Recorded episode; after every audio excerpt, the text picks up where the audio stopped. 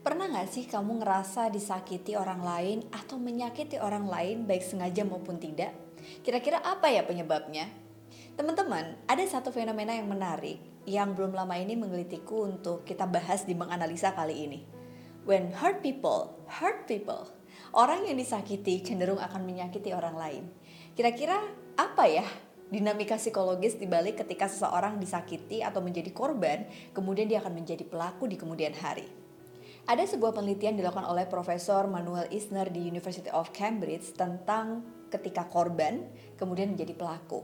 Dan dalam penelitian ini dia mengkaji 23 macam viktimisasi atau kita sebut poliviktimisasi yaitu ketika viktimisasi ini dilakukan dengan uh, varian yang beragam gitu. Salah satunya adalah bullying. Jadi pada saat um, Manuel ini meneliti bersama teman-temannya gitu ya, ada 23 bentuk kekerasan mulai dari ejekan, terus ada juga kekerasan fisik dan bentuk-bentuk pelecehan seksual. Kemudian dikaji nih dari beberapa bentuk viktimisasi ini ternyata yang tadinya dulunya korban di kemudian hari dia berusaha menjadi pelaku. Oke, kita analisa dulu. Kenapa ya? Saya membayangkan ya, aku membayangin teman-teman, ketika uh, seseorang menjadi korban, kemudian dia tidak ditangani dengan baik, maka muncullah fantasi-fantasi yang akan membuat dia berandai-andai kalau dia jadi pelaku. Karena pada saat jadi korban tuh rasanya nggak enak banget kan. Dia ada perasaan tidak terima, kemudian ada bentuk otoritas yang lemah atau mungkin di uh, rugikan, dilemahkan, dijatuhkan. Jadi pada saat dia mendapatkan situasi yang memungkinkan para korban ini memiliki otoritas lebih atau punya kesempatan untuk menjadi pelaku, maka fantasi inilah yang menggiring akhirnya korban menjadi pelaku.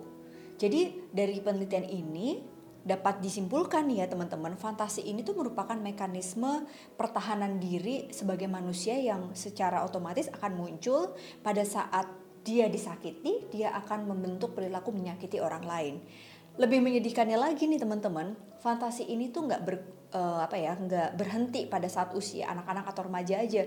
Bahkan semakin parah pada saat di usia dewasa. Jadi kalau kita mengkaji beberapa waktu belakangan ini aku kayak sedih banget gitu baca berita banyak sekali korban-korban pelecehan seksual yang dilakukan oleh orang-orang dewasa um, khususnya mereka yang dulunya ternyata disinyalir mengalami pelecehan pada saat mereka masih kecil.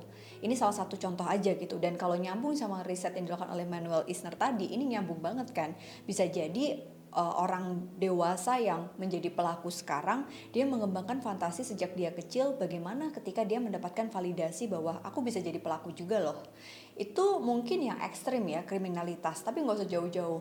Pernah nggak teman-teman tanpa disadari melakukan penghinaan kepada orang lain atau merugikan uh, orang lain baik sengaja maupun enggak? Ketika kita terluka atas perilaku orang lain, rasanya kan marah gitu ya. Nah, marah ini kalau nggak teratasi, kita tuh akan melakukan pola yang sama, entah ke orang yang menyakiti kita dulu, atau ke orang lain yang tanpa disadari saat kita terluka, kita akan melukai dengan bentuk pola perilaku yang sama. Jadi, di sini tuh aku pengen meng-highlight pentingnya kesehatan mental kita adalah pada saat kita memiliki self awareness teman-teman, kesadaran diri. Ketika kita melihat diri kita terluka, sadarilah dengan baik karena bisa jadi kesadaran diri kita ini yang akan menjaga kita supaya kita tidak mengalami poliviktimisasi tadi. Supaya nantinya kita tidak menjadi pelaku. Apa bedanya sih kita saat kita jadi korban kita berusaha membela diri? Defense gitu ya kayak wah saya difitnah. Kemudian kita melakukan pemfitnahan yang sama ke orang lain atau ke orang yang bersangkutan dengan cara yang mungkin lebih menyeramkan gitu. Atau mungkin kita pernah dilukai tanpa disengaja. Kemudian kita marah dan marah itu tidak teratasi. Suatu ketika pada saat kita memiliki panggung atau kesempatan untuk entah menyindir atau nyinyir atau mungkin melakukan penyerangan kembali, kita melakukan hal yang serupa seperti yang orang lain itu dulu lakukan sama kita. Tapi kita nggak sadar gitu. Kita membela diri, membenarkan atas perilaku yang kita alami sebagai sebuah alasan untuk kita menyakiti atau menyerang orang lain. Nah, kalau dikaitkan dengan uh, teori behavior di psikologi, ini kita bisa melihat sebagai bentuk pertahanan diri pada saat orang melakukan agresivitas. Jadi respon orang itu berbeda ketika dia disakiti. Ada yang secara asertif menyampaikan apa yang membuat dia tidak nyaman, ada yang secara pasif membuat dia diam dan gak ngelakuin apa-apa, ada yang pasif agresif. Ini lagi ngetren zaman medsos sekarang. Jadi di depannya baik-baik aja, di belakangnya uh pedes banget menyerang gitu ya, bahkan pakai fake account dan lain sebagainya. Tapi ada juga yang secara frontal agresif menyerang orang yang bersangkutan karena dia terluka dan disakiti. Nah, agresivitas ini dalam psikologi itu bisa macam-macam bentuknya, berupa fisik, jadi agresivitas secara fisik kekerasannya dan ada juga yang kekerasan secara verbal atau non fisik secara lisan tertulis. Ini kalau aku melihat fenomena agresivitas kayaknya sekarang menjadi meningkat ya. Apalagi di zaman internet of things gitu. Seolah kita itu tidak perlu bertanggung jawab 100% atas apa yang kita sampaikan di media sosial. Dan penyerangan ini motifnya macam-macam. Belum tentu mereka yang terluka kemudian melakukan uh, kejahatan serupa kepada orang yang melukai mereka. Bisa jadi melukai orang lain atau nggak sadar gitu ketika melukai orang lain itu adalah bentuk ketika dia terluka dulu. Nah kalau dikaitin sama when hurt people hurt people, ini kayak menarik ya. Agresivitas itu bentuknya beragam, fisik dan non fisik. Jadi kalau kita lihat nih contohnya orang-orang yang terluka itu bisa jadi tadi karena pengalaman trauma dan ternyata nggak cuma itu nih teman-teman. Ada sebuah uh, literatur yang mengatakan ketika emosi negatif ini terendap menjadi sekumpulan pengalaman-pengalaman yang tidak menyenangkan, gampangnya ketika seseorang dia dibully terus dengan pengalaman-pengalaman yang tidak menyenangkan, bayangin emosinya kan pasti uh, menjadi negatif gitu ya. Perasaan-perasaannya itu menjadi negatif karena dia dibully mulu. Dan akhirnya itu kayak meledak suatu ketika dan dia nggak sadar kemudian dia menyakiti orang lain. Jadi ada dua kemungkinan, bisa jadi karena trauma di masa kecil akibat pengasuhan, trauma kanak-kanak dan lain sebagainya, atau sampai sekarang dia masih terpapar oleh lingkungan toksik yang membuat dia tidak nyaman secara emosional. Nah kesimpulannya, kalau belakangan ini kita nggak sadar dan akhirnya gara-gara episode ini teman-teman jadi kayak oh ya kenapa ya gue nyinyir mulu ketika melihat postingan si A atau kenapa ya aku tuh kayak jadi nggak nyaman ketika ngelihat orang ini di depanku, kemudian aku ingin menyakitinya refleksinya adalah apakah kita pernah disakiti sebelumnya oleh orang itu atau kita pernah disakiti oleh orang lain dengan bentuk perilaku yang berbeda sehingga kita menyakiti mereka atau merasa disakiti. Ini kembali lagi awareness kita perlu kita asah dengan cara bertanya dan berdialog dengan diri kita sendiri teman-teman. Karena kalau kita nggak sadar bahaya banget. Misalnya nih ya di rumah tuh lagi ada masalah nih baik di keluarga. Kita tersakiti oleh interaksi mungkin orang tua kita atau interaksi dengan pasangan kita. Eh dibawa ke kantor. Nah hurt people kan masuk ke kantor. Terus kok kita jadi kayak emosional, kita kok jadi kayak menggebu-gebu, kita jadi emosinya meluap-luap dan menyakiti rekan kerja kita di kantor. Jadi interaksi inilah akan menjadi rantai yang gak keputus karena pada saat kita nggak sadar kita disakiti, kita akan menyakiti orang lain kalau kita tidak memiliki kesadaran diri yang cukup baik. Nah ngomongin soal rantai trauma atau trauma yang gak terputuskan nih ya, secara emosional, contoh orang tua yang dulu mendapatkan pola asuh yang penuh dengan kekerasan, abuse dari orang tuanya. Nah ini kalau nggak sadar ternyata perilaku itu diadopsi dan ditiru diberikan kepada anak dari orang tua yang uh, baru tadi gitu. Jadi kalau kita melihat di sini apa ya istilahnya tuh kayak jadi sebuah intergenerational trauma nih kalau di psikologi bahwa ketika orang yang trauma dia akan menurunkan atau mewarisi trauma itu kepada turun menurun di bawahnya kalau tidak ada yang memutus trauma tersebut makanya ketika kita menjadi orang tua nih teman-teman perlu disadari bahwa apa yang menjadi trauma kita terhadap pengasuhan orang tua kita sebelumnya kita terima kan kita nggak bisa ngerubah ya kita nggak bisa tukar orang tua kita, kita nggak bisa pilih dilahirkan dari orang tua yang seperti apa. Trauma ini menjadi sinyal yang baik bahwa nggak nyaman loh mendapatkan pengasuhan seperti itu. Jadi kalau kita punya kesadaran diri yang cukup tinggi atau awareness yang tadi aku sebutin, ini dapat menjaga kita dari intergenerational trauma dalam pengasuhan ke anak dan cucu kita nantinya gitu. Nah, makanya penting untuk kita mereview, merefleksi lagi bersama pasangan, kira-kira tuh trauma yang dibawa oleh pasangan kita apa ya saat kita menjadi orang tua dan mengasuh bersama anak-anak di rumah. Nah, pengalaman trauma yang nggak disadari ini bisa memunculkan berbagai pemicu atau trigger dalam interaksi manusia dengan manusia yang lain. Dan trauma ini yang hanya tahu ya dia dan maha kuasa gitu. Yang bisa menentukan ini kayak pengalaman traumatis atau enggak ya si pribadi itu sendiri. Contoh misalnya nih, aku punya trauma terhadap kejadian di masa lalu uh, dan itu yang tahu hanya aku teman-teman. Kalau aku nggak sadar ya orang lain mana tahu gitu kan. Tapi sering banget kejadian yang aku alami ketika aku mendapatkan perasaan tidak nyaman merasa disakiti oleh orang lain ini kayak berkorelasi dengan pengalaman yang aku dapetin yang tadi baru aku sadari kok nyambung ya. Contoh nih misalnya ada seseorang yang merasa diabaikan oleh orang tuanya dalam masa pengasuhan. Terus tiba-tiba dia ketemu sama sebuah kejadian pada saat dia sudah dewasa ke trigger dia diabaikan oleh figur yang dia anggap bisa memberikan perhatian.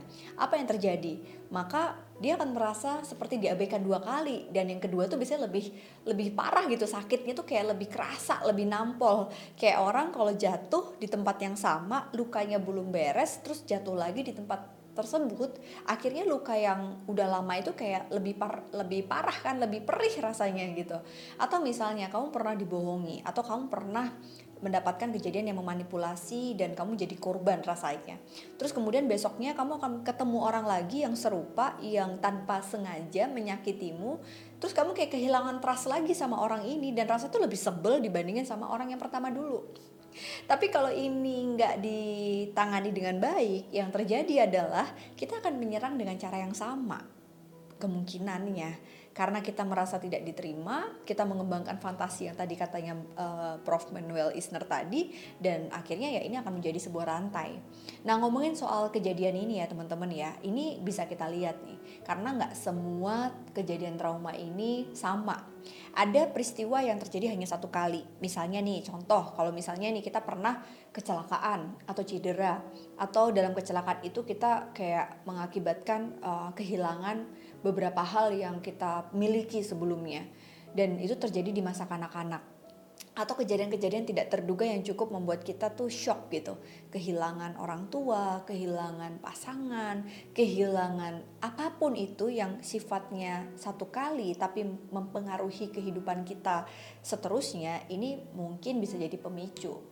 Yang kedua adalah stres yang sangat berat dan gak berhenti jadi mungkin misalnya tinggal di lingkungan yang sangat uh, apa ya keras gitu ya teman-teman. Terus dia bisa juga kondisi-kondisi seperti berjuang melawan penyakit kronis atau mungkin dia mengalami traumatical uh, event ketika dia dibully dari kecil sampai dia dewasa membuat dia stres dan gak berhenti atau bisa juga dia merasa disakiti karena penyebab yang kayak apa ya sepele tapi kayak sering banget diabaikan contoh misalnya nih ketika uh, tadi di fitnah atau apa ya kalau bahasa positifnya adalah diberikan uh, sikap-sikap prasangka buruk oleh lingkungan sekitar gitu kan. Kayaknya tuh gak enak banget itu itu kejadian nggak mungkin nggak cuma sekali tapi berulang kali. Jadi akhirnya besok muncul perasaan tidak percaya diri dan dia juga sulit mempercayai orang lain.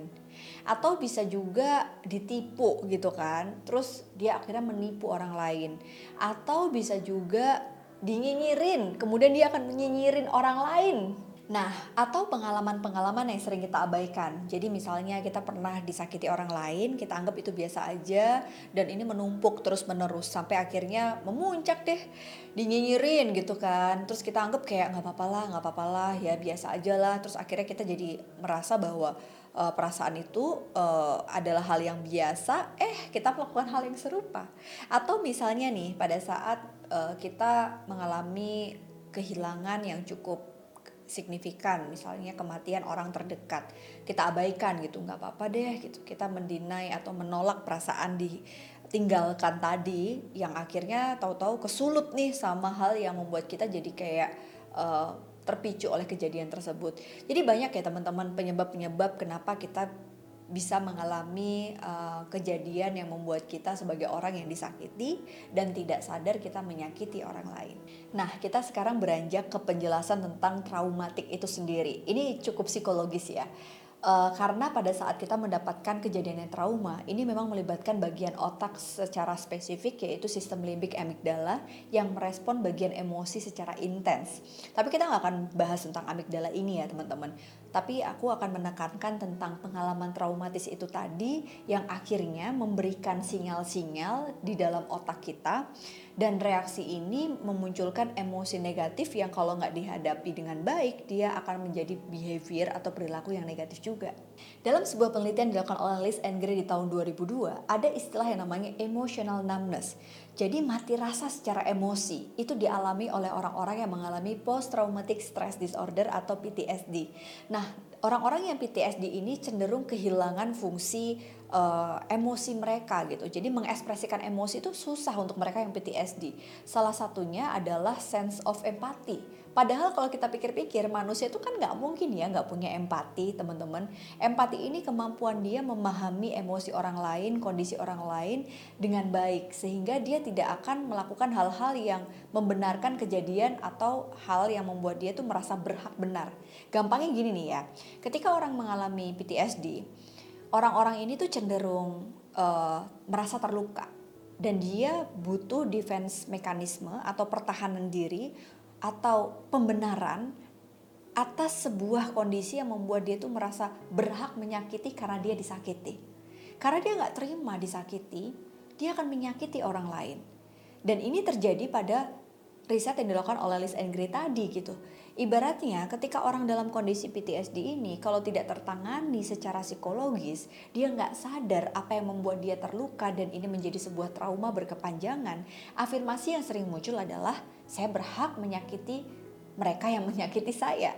Jadi nyambung dengan when hurt people, hurt people.